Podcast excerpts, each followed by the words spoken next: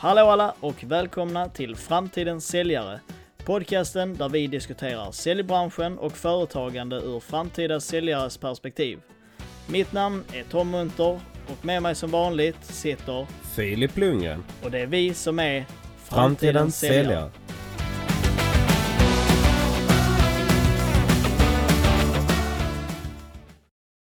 Hallå alla och välkomna till ett nytt avsnitt av Framtidens säljare.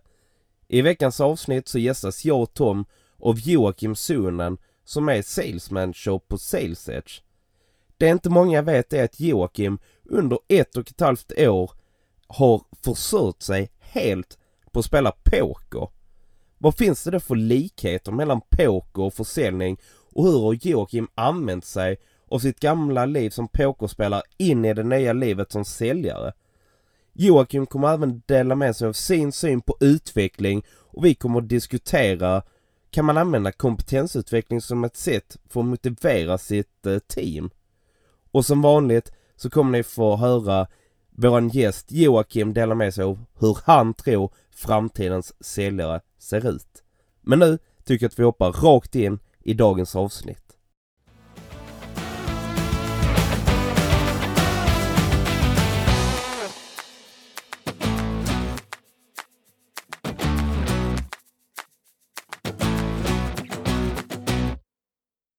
Hallå allihopa och välkomna till ett nytt avsnitt här på Framtidens säljare. Idag är vi ju eh, självklart gästade av eh, Joakim Suhonen. Och eh, Filip, du har en liten presentation om Joakim. Ja, det tillhör vanligheterna nu. Ja. Så han ska också bli presenterad. Med oss idag har vi Joakim Sunen som bor i eh, vad säger man? Skånes huvudstad Malmö. Joakim jobbar idag som sales manager på Sales Edge, där bland annat jag och Tom gjorde vår praktik. På fritiden så tycker eh, Joakim om eh, kickboxning och har en stor passion för eh, mat och dryck. Och även nu i talandes stund så är även Joakim i tankarna på sin skriva sin allra första bok. Så med oss har vi Joakim Sunen. Eh, Välkommen Joakim. Tack. Hur är läget? Jo, det är strålande. Hur är det med? det är bara fint. Bra, bra, Bara bra. fint. Nu när vi bra. har sån här gäst med oss. Kan det inte varit bättre. Ja, det var på tiden att du gästar. Det tycker Ja. jag. Men du, sjukt intresserad. Din eh, kickboxning. Det, jag vet inte, det kanske inte är det vanligaste att gå på kampsport. Eh, vad är det du tycker är så kul med just kickboxning? Uh, alltså jag, jag har gymmat mycket och sånt innan, men det jag gillar med kickboxning är typ att man inte, jag tänker inte när jag tränar det. Man går dit och är där en timme, tränar med andra människor, men så är det högt tempo och, och jävligt intensivt så man, jag, jag, jag, tänker inte alls på någonting annat. Jag är bara där och då och det är väl det jag gillar. Jag gillar att försöka leva i nuet. Och så är det bra träning såklart. Det, Ja. Eller Ja, men det, är så, men vi har, det är ju lite följande tema. Vi snackade ju med Irena förra gången Filip. Och då Ja. berättade hon ju också liksom det här som eh, hon höll på med träning, att man kan tänka på annat liksom, och komma ifrån lite ja, jobben och, jobbet och vardagen. Liksom. Ja. Så, eh, det, det är nog någonting vi måste, eller jag speciellt kanske måste ta i lag med. Så att det räcker kanske inte med padden. Nej, precis. Men eh, idag ska vi snacka lite eh, om ditt förra liv och vad du har gjort innan Joakim och vad du ser på framtiden och så här. Men eh, för att du ska få chans att presentera dig lite själv, vill du berätta lite om ja, ditt liv och vad du gör och eh, vem du är? Ja, som sagt eh, jobbar jag på Edge nu som säljare och innan det har jag pluggat försäljning i två år eh, på Grit Academy precis. Jag har gått den utbildningen eh, som ni går nu. Eh, innan det har jag jobbat som kock ett par år och jag har eh, sålt eh, inredning, jag har sålt båtresor till Tyskland, jag har, eh, jag har gjort, jag spelat poker några år, jag har bott i Berlin när jag var yngre. Alltså jag, jag har gjort lite allt möjligt verkligen. Ja, det låter väldigt eh, blandad eh, kompott där. Eh. Ja. Du, vad är, det, är det 33 du är idag, Jocke? 34. Jag är 34. fullt möjlig med. Ja, Just, just det. 34 år och varit med om mycket. Hur, liksom så, eh, vad du gjort innan. Liksom, vad är det som har gjort att du har liksom pendlat så mycket genom, mellan olika branscher? Eh, ja du. ja, men jag, jag gillar eh, att göra nya grejer. Och Ja. eh, jag ska inte säga att jag... Mm, ja, det är en bra fråga. Jag vet inte. Jag, jag gillar att testa nya grejer. Ja. Och byta, byta bana. Men det låter ändå som du har fastnat lite för försäljning nu. När du dels börjat plugga det och nej men, jobbar inom försäljning nu idag. Ja, men alltså när, när jag hittade försäljningen på det här sättet, alltså det lite mer komplexa arbetet för brevförsäljningen, så var det väl mycket som jag kände igen eh, och mycket som passar in på mig tycker jag. Att jag, säger, jag, jag tycker att jag är en bra lyssnare, jag gillar att ställa frågor, jag är, jag är naturligt nyfiken på andra människor eh, och det, det passar väldigt bra in när man ska jobba med det här. Mm, mm. Hur ser det ut när du eh, liksom hittade just Grit Academy, tänker jag från det förra, som du, alltså det senaste som du gjorde, att du sen hittade utbildningen. Vad fick dig att ta det klivet att ja, men du söker till den utbildningen? Det var, det var lite, alltså jag jobbade som kock eh, innan det och insåg väl, jag, jag var iväg i Bohuslän och körde säsong och kom hem till Malmö, jobbade lite smått igen och insåg att nej, men jag vill inte jobba med det här i framtiden. Eh, så där var några månader eh, under en vår som jag kände shit, jag har ingen aning vad jag ska göra. Eh, och sen eh, var det en, eh, en äldre bekant som jag diskuterade detta med och han sa lite olika kvaliteter och saker som jag är bra på och bra på att prata och ställa frågor och sånt. Och så sa han, ja, men du borde hitta ett jobb eller en utbildning där du kan använda de här kvaliteterna eller färdigheterna. Och då började jag söka runt lite under en sommar. Eh, sen hittade jag Grit Academy och det här var ju kanske augusti, juli. Uh, slängde iväg en ansökan och dagen, dagen efter så ringde rektorn till mig och sa ja men du, du har kommit in. Jag bara okej. Och då var det fortfarande, jag visste inte helt vad det var för någonting och jag visste inte riktigt vad jag skulle ge mig in på. Men det kändes som en kul utmaning och sen så började jag och veckorna gick och månaderna gick och det kändes bara mer och mer rätt hela tiden. Så det var, kändes som en fullträff. Ja, precis. Det, nej, men du gick ju året, eh, vad säger man, årgången eh, ovanför oss eh, just på Mm. Grit. Eh, skulle du kunna berätta lite om det? För det var ju där du kom i kontakt med, som vi nämnt så mycket, är, eh, Dominic Egli.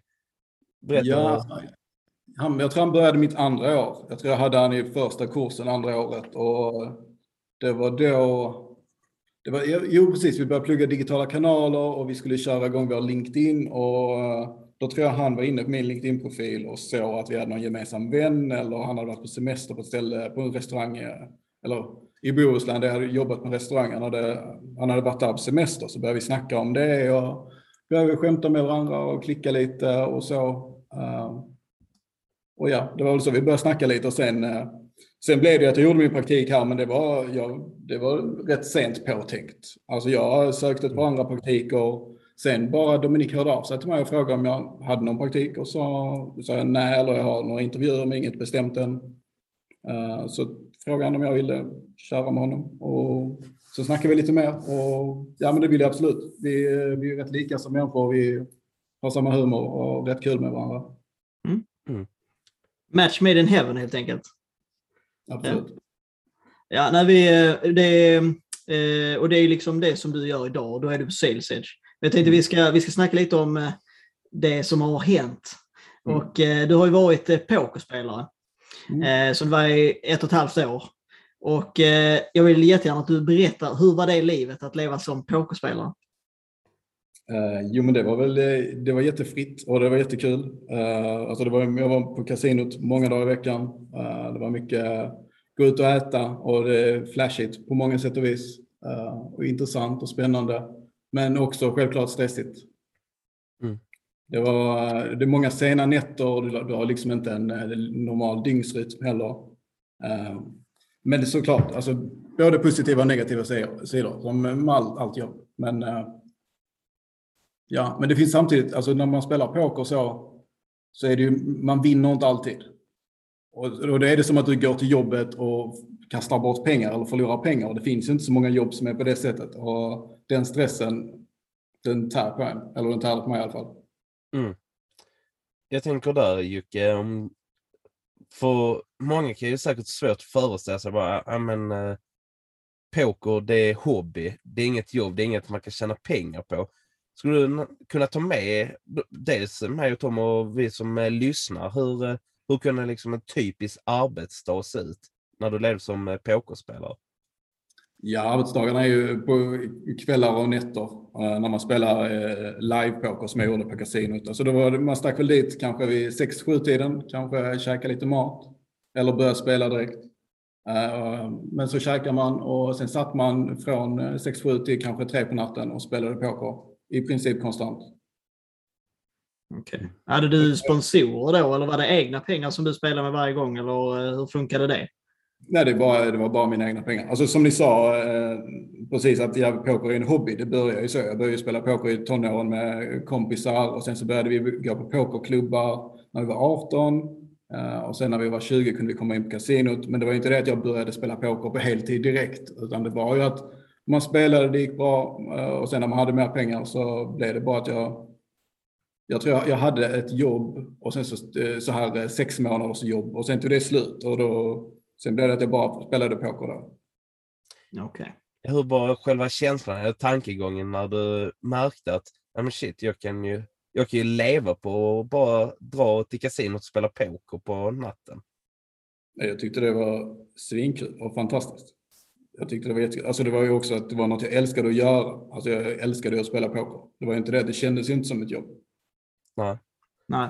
Men hur tacklar du då? Eh, jag tänker där, eh, för du berättade ju det att du tjänar ju dels pengar men sen kunde det vara eh, netto när du också förlorade en del pengar. Hur, mm. eh, hur tacklade du det? Hur var själva känslan när du hade varit en hel eh, kväll slash natta och kommer hem och du har förlorat massa pengar? Det är ju en, det är en jobbig känsla. Alltså det, var ju, det är klart man får lite ångest och det är svårt att somna då. Och har man en eh, sambo hemma som eh, ger en mer ångest över det så är det klart det är lite, det är lite jobbigt. Uh, men jag, som, på insidan kunde jag tänka att så här, det är part of the game, liksom, att man kan inte alltid vinna.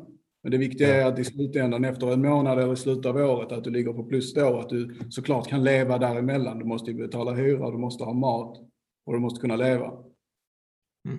Ja. Men, men absolut, det var en enorm stress om jag är ärlig. Alltså det var, hade man en dålig månad och förlorar mycket pengar så kunde det vara sjukt jobbigt. Och det är ju en av anledningarna till att jag inte gör det längre. Alltså jag spelar ju jag spelar ibland som hobby nu, men inte alls för sådana pengar som då eh, och inte, och inte för att jag måste vinna. Liksom. Nu är det bara för att... Ja. Den stressen då, hur, eh, hur påverkar den dig? Du berättade att det var oändligt mycket med stress. Hur blev du påverkad av det? Ja, men jag får nog lite dåligt att sova. Men jag tror också en negativ grej just med den stressen kan bli att man inte uh, hur ska jag säga det, att man inte, ja men du presterar inte lika bra. Alltså jag tror det, där finns en koppling till försäljningen just i det att när du blir lite, när du känner dig, när du får lite sämre självförtroende så tror jag det märks på din röst och hur du agerar i försäljningen. Och så tror jag det var med pokern också, att man, Uh, man, när man känner så här, shit, nu har jag förlorat mycket, nu måste jag vinna nästa vecka, annars, är liksom, annars jag måste komma upp på plus minus noll. Och, uh, ja, det, det finns likheter i det. Jag, var, ja. jag tycker det är väldigt intressant, uh, för vad var det, jag fick ju reda på detta när vi var uppe i Stockholm under praktik jag var med, fick jag ju för första gången höra att du var pokerspelare och du berättar ju där, och det är ju väldigt intressant, att det finns ju många likheter mellan eh, eh, själva pokerspelandet och säljyrket. Om du mm. skulle så jämföra, om du tänker dig in liksom så, att du sitter en natt där och spelar poker och sen att du, det livet har idag, att du är säljare. Vad ser du för eh, likheter mellan eh, livet som pokerspelare och livet som säljare? Uh, ja, Alltså det, men dels är det väl det eh, som jag nyss nämnde och, och sen att man måste helt enkelt prestera. Alltså du, du måste sälja. Du kan inte jobba som säljare ett helt år utan att och, och sälja och du kan inte jobba som pokerspelare utan att vinna. Mm. Du kan liksom inte bara gå dit och det finns ju många jobb som är så tyvärr. Du kan bara gå dit och, och sätta dig eller gå dit och, och vara där. Men mm. på de här jobben så måste man verkligen prestera. Och det finns ju både något positivt och negativt. Det är både äggande och, och stressande. Ja. Mm. Tycker jag. Men sen äh, att analysera människor, analysera vad folk egentligen menar med vad de säger och hur de agerar. Att man kan ju ofta, man kan ofta ana att det finns något annat bakom det de säger. Om, säg, I försäljning om någon säger nej men det här är för dyrt. Och ja okej okay, men vad exakt är det som är för dyrt? Det, den, den, det kan ju betyda så himla mycket olika saker för honom. Det kanske inte är att just produkten är för dyr utan det kan vara att någonting händer inom den organisationen som gör att de inte riktigt har pengar just nu men det kanske inte är för dyrt egentligen. Mm. Är du med i mitt resonemang? Nej men jag, jag förstår vad du menar. Är det på något annat sätt som du tar med dig just det där med att läsa av folk? Som du... Vad sa du? På något annat sätt? Ja. Vad menar du? I, Nej men eh, du berättar ju att du märker likheten där med att läsa av folk att när man säger en viss grej, att man kanske menar något annat. Märker du, för jag kan tänka mig just det poker, där är det väldigt mycket att läsa av. Okej, okay, hur reagerar en person när det händer vissa saker? Till exempel hur reagerar en person om den får en bra hand? Mm. Och på så sätt läsa av. Märker du att det är något liknande i försäljning också? Antingen att du säger något eller det är något som sker i samtalet. Att du då kan läsa av. Bara shit, nu reagerar de på ett visst sätt. Ja, alltså, ja, men det kan man ibland se på människors kroppsspråk. Alltså, det är ju jättesvårt att, att ljuga med sitt kroppsspråk. Ja. Det är ju det är helt omöjligt, tror jag. Eller det, det kanske inte är helt omöjligt, men det känns väldigt svårt. Eller sen kan jag också se det i folks ansikten. Alltså, folk kan ju lysa upp eller folk kan se mindre glada ut. Och det kan du höra i telefon också. Du kan eh, se det på skärmen. Uh, och det kan ju vara beroende på att du säger något eller... Ja, jag, vet inte, jag, jag svamlar lite nu i mitt resonemang. Men, Ja, men jag känner igen det lite från, man ser det här eh, som vi lärde oss så mycket av Dominik, alltså när man ser att någon, om någon blir lite låg, alltså mitt i kanske ett möte då, att mm. man liksom snappar upp det och bara, nu märker jag på dig att du kanske inte riktigt är, alltså om det är någonting jag har sagt, alltså under mötets gång som får dem att tappa intresse liksom. Där kan det vara någon form av koppling där kanske med, ja men det här du nämnde med kroppsspråk och bara att läsa av liksom. Mm. Ja, men att, precis, eh, den, den, personen kanske säger att eh, nej, men det låter bra, men du ser på hans kroppsspråk eller på hans ansikte att nej, det ser inte ut som att du egentligen menar det du säger.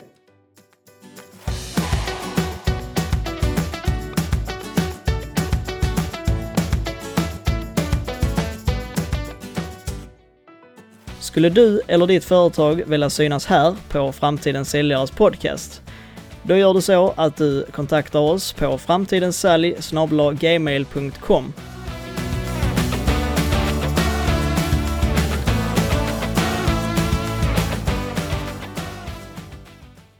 Ja, det, är, det är sjukt intressant. Men jag tänkte, du Joakim som har gjort så sjukt mycket olika. Det är kock, det är poker, det är sälj och det är jag var det Finlandsfärja var det inte, men det var eh, till Tyskland. Ja, inredning var det också ja. Och, eh, jag tänker på så här med personlig utveckling är ju någonting som jag kan tänka mig att eh, du har liksom en klar syn på. Mm. Och eh, hur har det varit för dig? Alltså hur ser du att du har utvecklats med alla dessa grejer som du har gjort och nu när du är säljare? Jag eh, tror att det är jätteviktigt att utvecklas och jag tror att jag utvecklas hela tiden och det vill jag göra. Alltså jag älskar ju att lära mig nya saker. Uh, jag tror det kan vara jätteskadligt att tänka att nej men nu kan jag det här och det, det säger jag för att jag har tänkt så många gånger. Alltså jag, för fem år sedan kanske jag tänkte shit nu kan jag den här grejen jättebra, jag är jättesmart och jätteduktig på detta. Sen går det ett halvår som inser man shit vad, jag, vad trodde jag? Jag vet ju ingenting egentligen. Så jag tror det är jätteviktigt att utvecklas hela tiden och, och att vilja det. Mm. Mm. Hur ser du just på utveckling? Alltså så, varför tror du det är så viktigt med utveckling?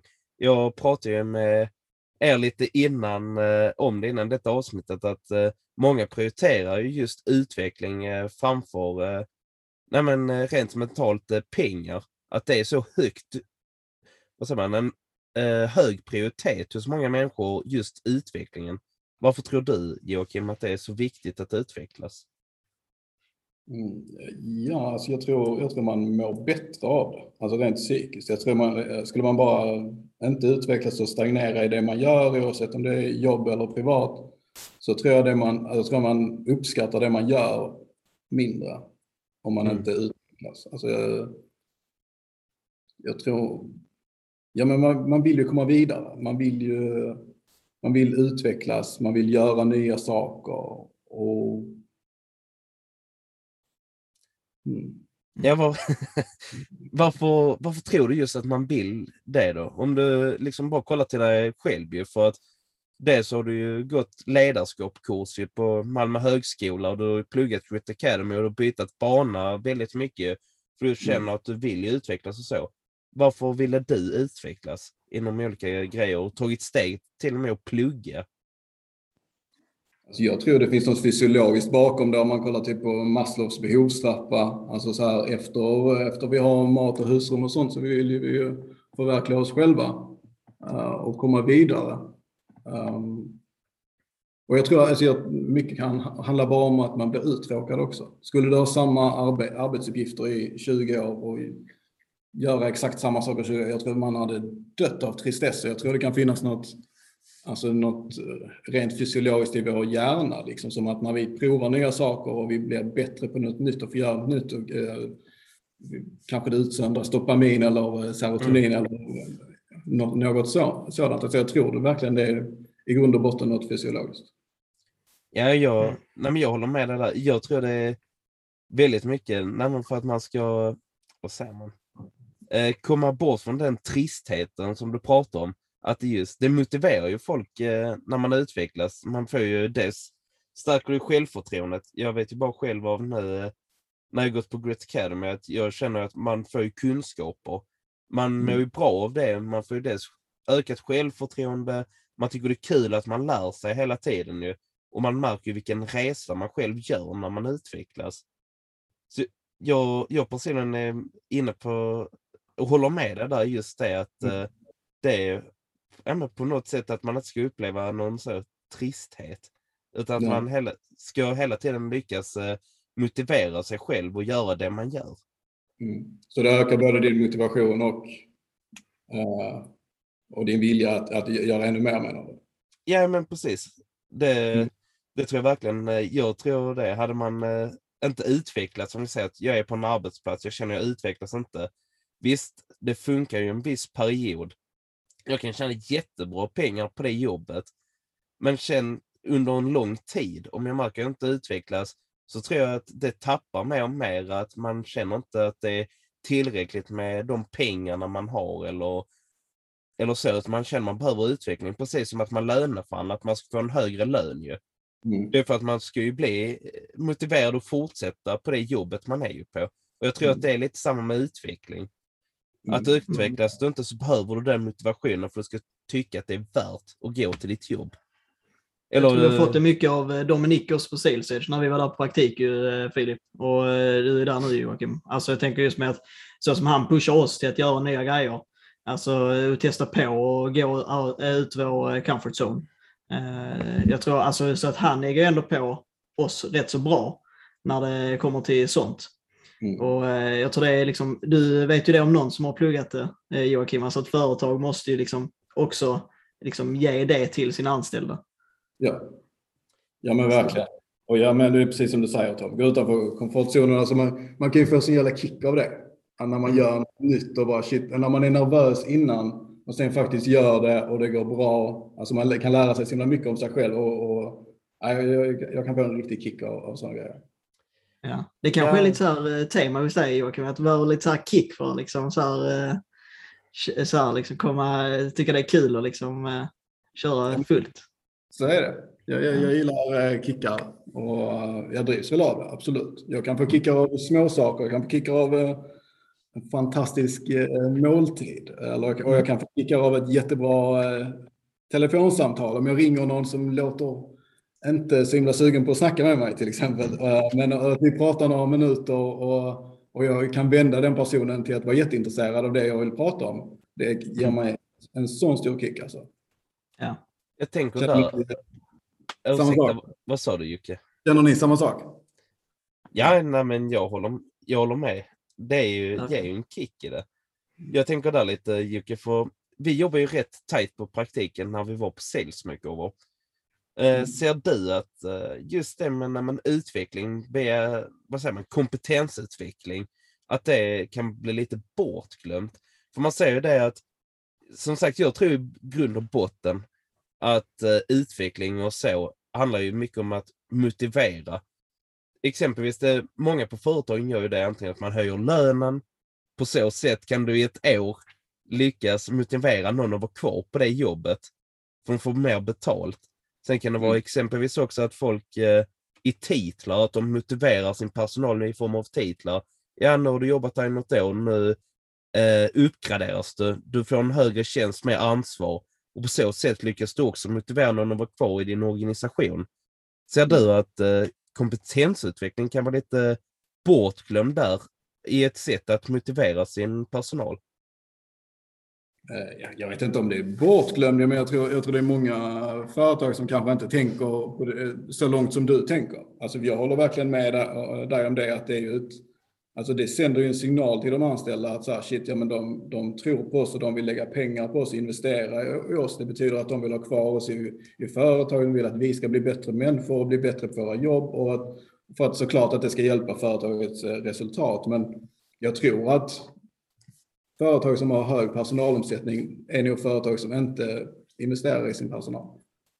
Det är samma sak där, som vi, eh, tillbaka till det vi pratade om innan med eh, eh, motivation. Alltså att jag tror ju att de anställda blir mer motiverade och får högre självförtroende när de blir när de får saker av företaget på det sättet. Att det inte bara behöver handla om pengar utan det handlar om utveckling och förändring inom, inom organisationen.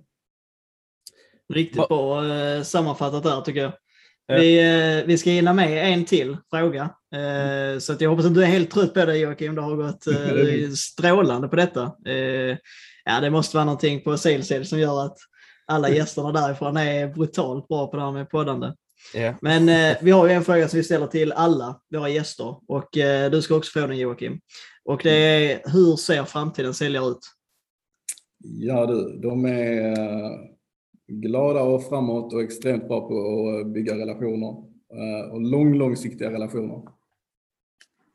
Mm. Lång, lång, långsiktiga, jättelånga. Det är väl det jag, det är väl det jag tror på. Innebär efter då? livet också.